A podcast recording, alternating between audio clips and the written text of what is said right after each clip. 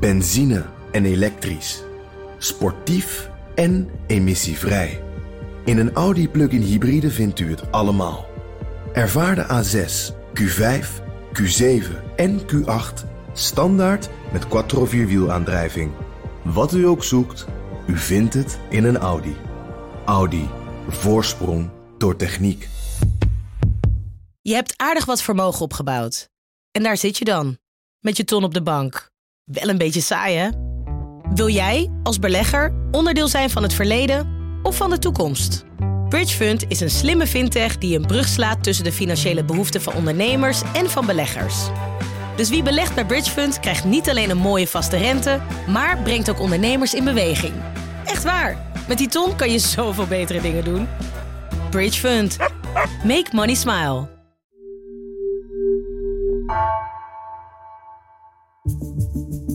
Vanaf de redactie van NRC het verhaal van vandaag. Mijn naam is Floor Boon.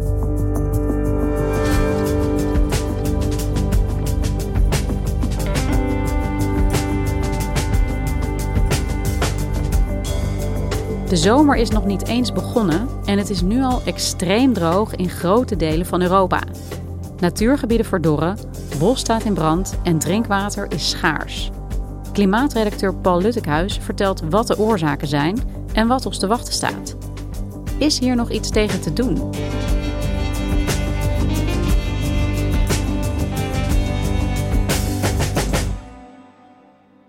De schrik was behoorlijk groot toen eind april al in het zuiden van Spanje de temperatuur dicht bij de 40 graden kwam. En waren niet alleen de hoge temperaturen zo vroeg in het jaar die mensen bezorgd maakten, maar ook de extreme droogte is erg opvallend.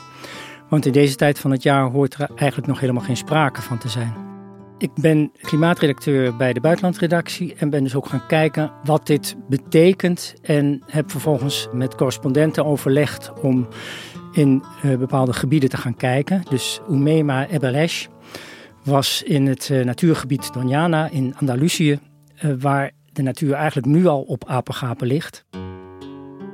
Twee weken geleden was ik in het Doñana, een beschermd een natuurgebied in het zuiden van Spanje, in de regio Andalusia. Steden Sevilla en Huelva liggen daar omheen. Een heel mooi natuurgebied waar heel veel toeristen op afkomen met een mooi meer. Je ziet paarden rondlopen. Je hebt daar de Iberische links. Vogeltjes hoor je fluiten. Je hoort water stromen. Het is echt een heel mooi plaatje. Maar wanneer je dat gebied verder inrijdt, dan zie je eigenlijk de gevolgen van de droogte. Er staat hier helemaal niks. Op een paar bomen na, ik tel ze hier, het zijn er zes en een uitgestrekt geel stuk grond, wat ooit groen was. We staan hier bij een uitgedroogde rivier. Het is hier kurkdroog. De takken kraken onder mijn voeten. Wauw. Uit wat Oemema vertelt kun je zien dat de droogte extremer wordt.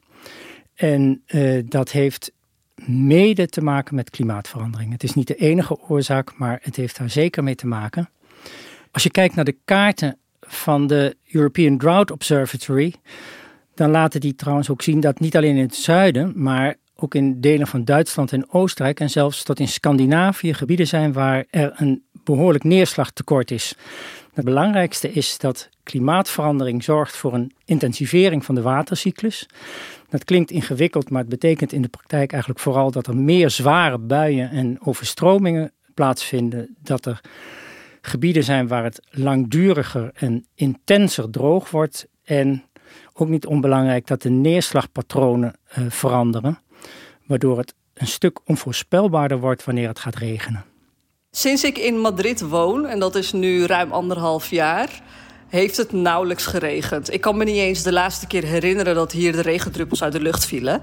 Tot gisteren. Ik stond op het balkon en toen vielen er een paar druppels en ik was hartstikke blij. Maar die blijdschap was echt van korte duur, want het sloeg meteen weer om en de zon begon weer te schijnen.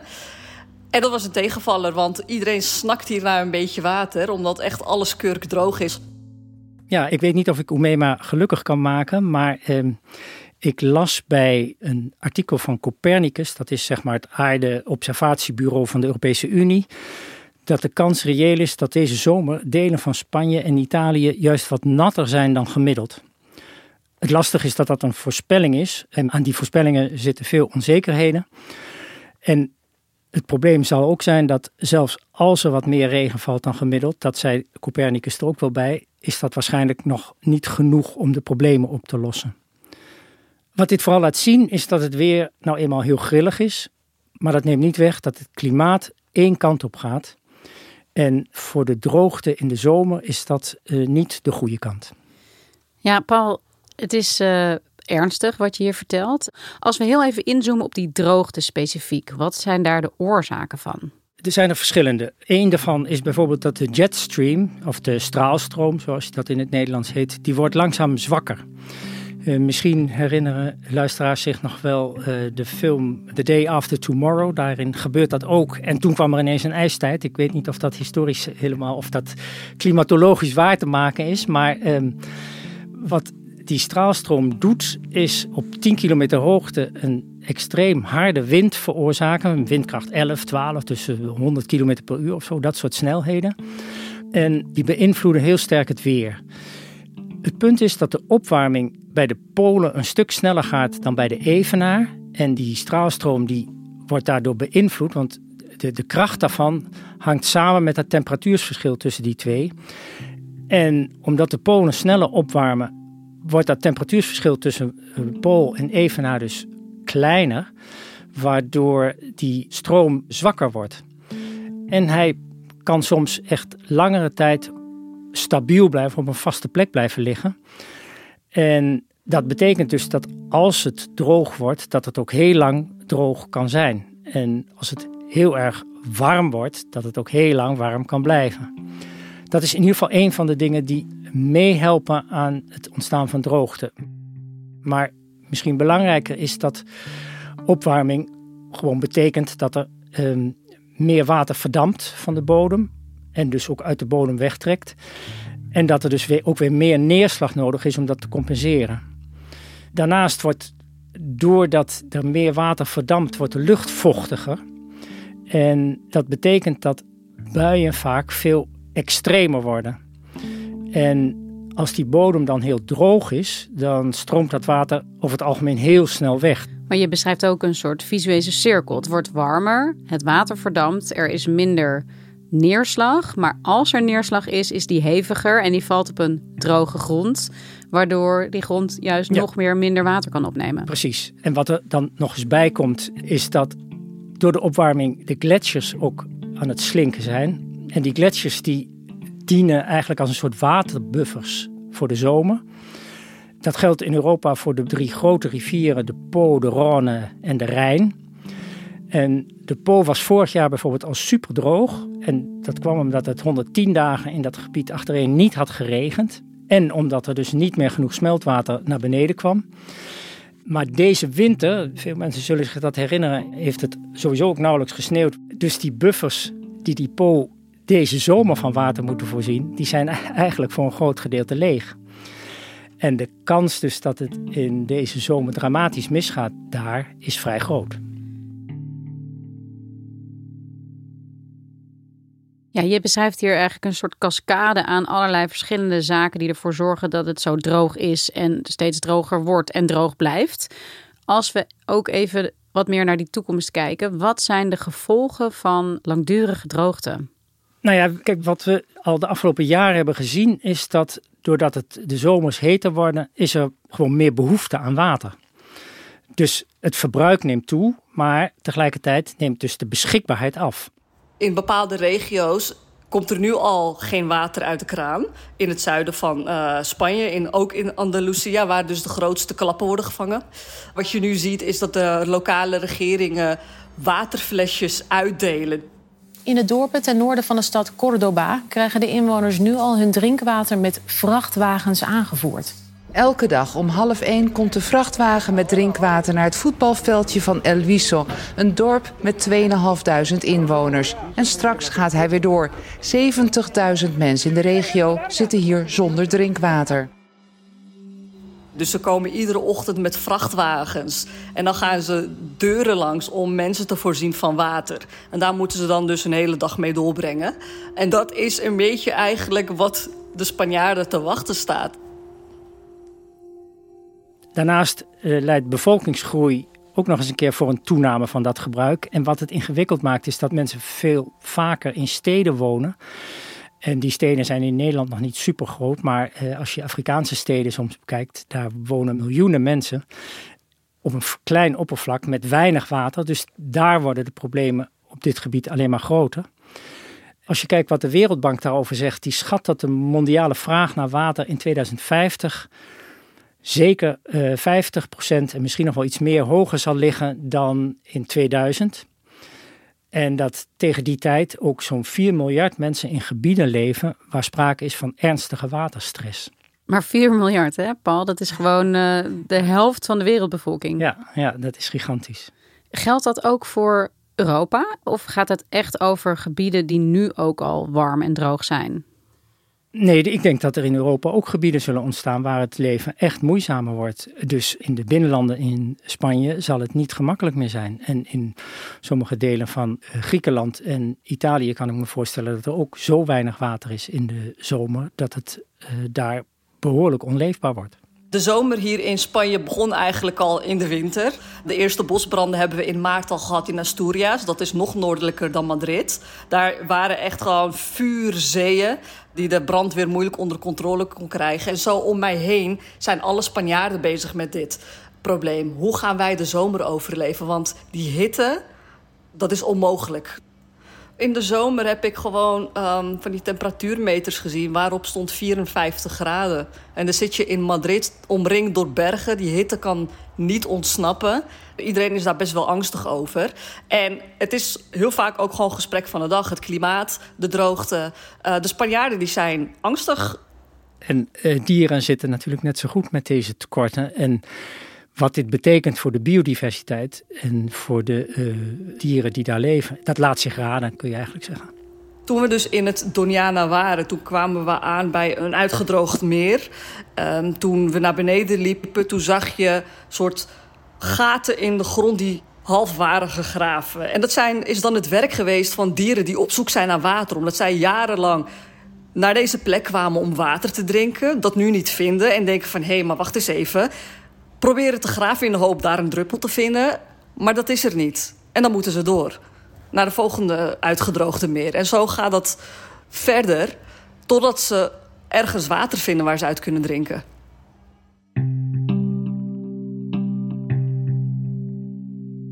Ja, dit zijn behoorlijk korte termijn gevolgen, Paul, die je beschrijft. Uh, nu een acuut tekort aan drinkwater. Uh, dieren die nu niet bij dat water kunnen, zoals Umema zegt. Als we wat verder in de toekomst kijken, wat kun je zeggen over wat ons te wachten staat op de lange termijn? Ik had laatst een interview met Maarten van Aalst, de nieuwe directeur van het KNMI. En die zei al over het water in Nederland dat er waarschijnlijk keuzes moeten worden gemaakt. Er is eigenlijk niet meer genoeg om alles te doen, dus dan moet je bepalen wat je dan wel wilt doen. In de praktijk zal het zo zijn dat het drinkwater voor burgers voorrang heeft. Maar daarna komt de vraag: geven wij water genoeg aan de industrie of aan de landbouw? En wat doe je met de scheepvaart als de uh, waterstand in de Rijn zo laag wordt dat ze er eigenlijk niet meer kunnen varen? Ga je dan kostbaar water naar die rivier sturen om die waterstand wat hoger te maken? Maar dat water ben je wel kwijt, want dat gaat de zee in en dan heb je het niet meer tot je beschikking. Maar misschien wel de grootste vraag die je moet stellen bij het maken van keuzes is: hoe ver je kunt gaan met het gebruiken van grondwater. Want op sommige plekken is het duidelijk dat als je dat grondwater eenmaal kwijt bent, dan komt het ook niet meer terug. Dus ergens het beschermen van grondwater moet een belangrijke prioriteit blijven.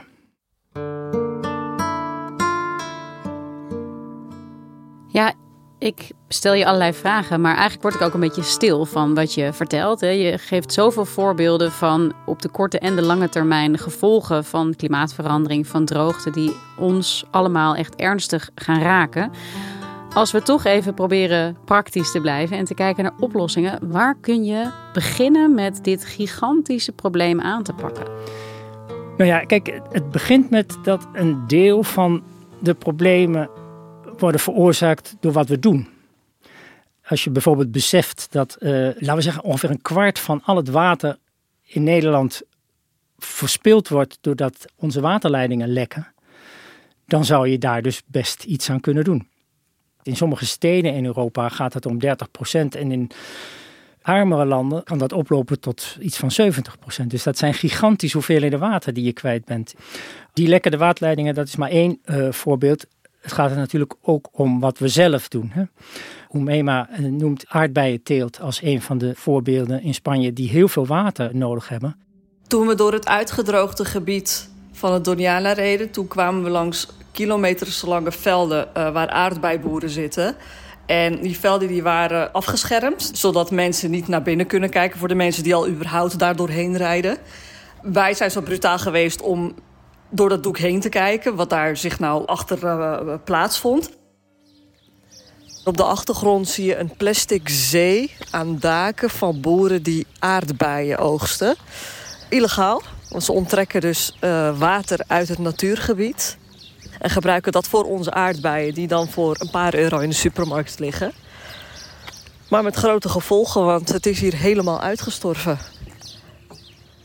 Dat is ook wat de expert die mij door dat gebied heeft rondgeleid. Hij zei: Als wij willen dat we dit gebied kunnen redden, moeten jullie in Nederland stoppen met aardbeien eten. Want aardbei voor 2 euro voor een halve kilo, 3 euro voor een halve kilo, dat is gewoon te gestoord. En daardoor gaan boeren dus, blijven ze illegaal water onttrekken. En dan blijven ze in Spanje zitten met het probleem, terwijl wij lekker in Nederland aardbeien zitten te eten.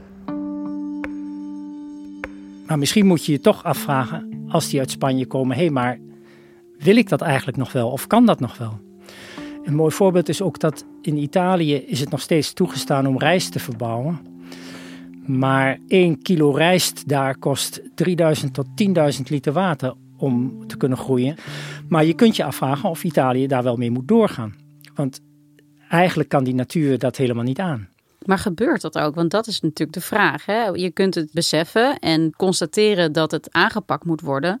Vervolgens moet er ook daadwerkelijk iets aan gedaan worden. Ja, dat is zeker uh, de vraag. Uiteindelijk denk ik dat we goed moeten beseffen dat er wetgeving nodig is vanuit onze eigen regering of vanuit Brussel om ons beter voor te bereiden op wat er op ons afkomt. En wat Van Aalst, de directeur van het KNMI, destijds ook zei, is dat we bijvoorbeeld moeten nadenken of een bepaalde polder, heel laag gelegen, of je die nog wel moet gebruiken om huizen te bouwen, of dat je daar bijvoorbeeld een waterbuffer van maakt. Want, en dat besef dringt in Nederland wel door inmiddels.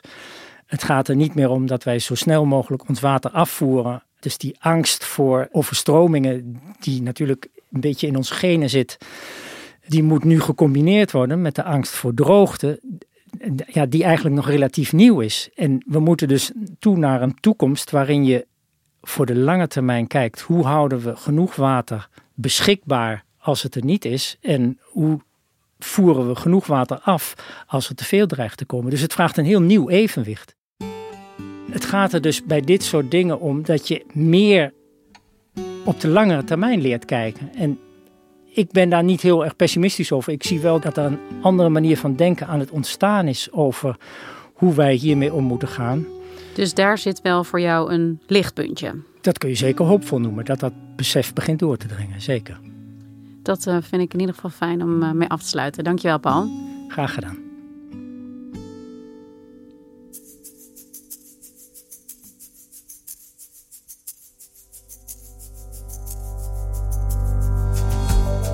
Je luisterde naar vandaag, een podcast van NRC. Eén verhaal, elke dag. Deze aflevering werd gemaakt door Anna Korterink en JP Geersing. Coördinatie, Henk Ruigrok van der Werven. Dit was vandaag. Maandag weer.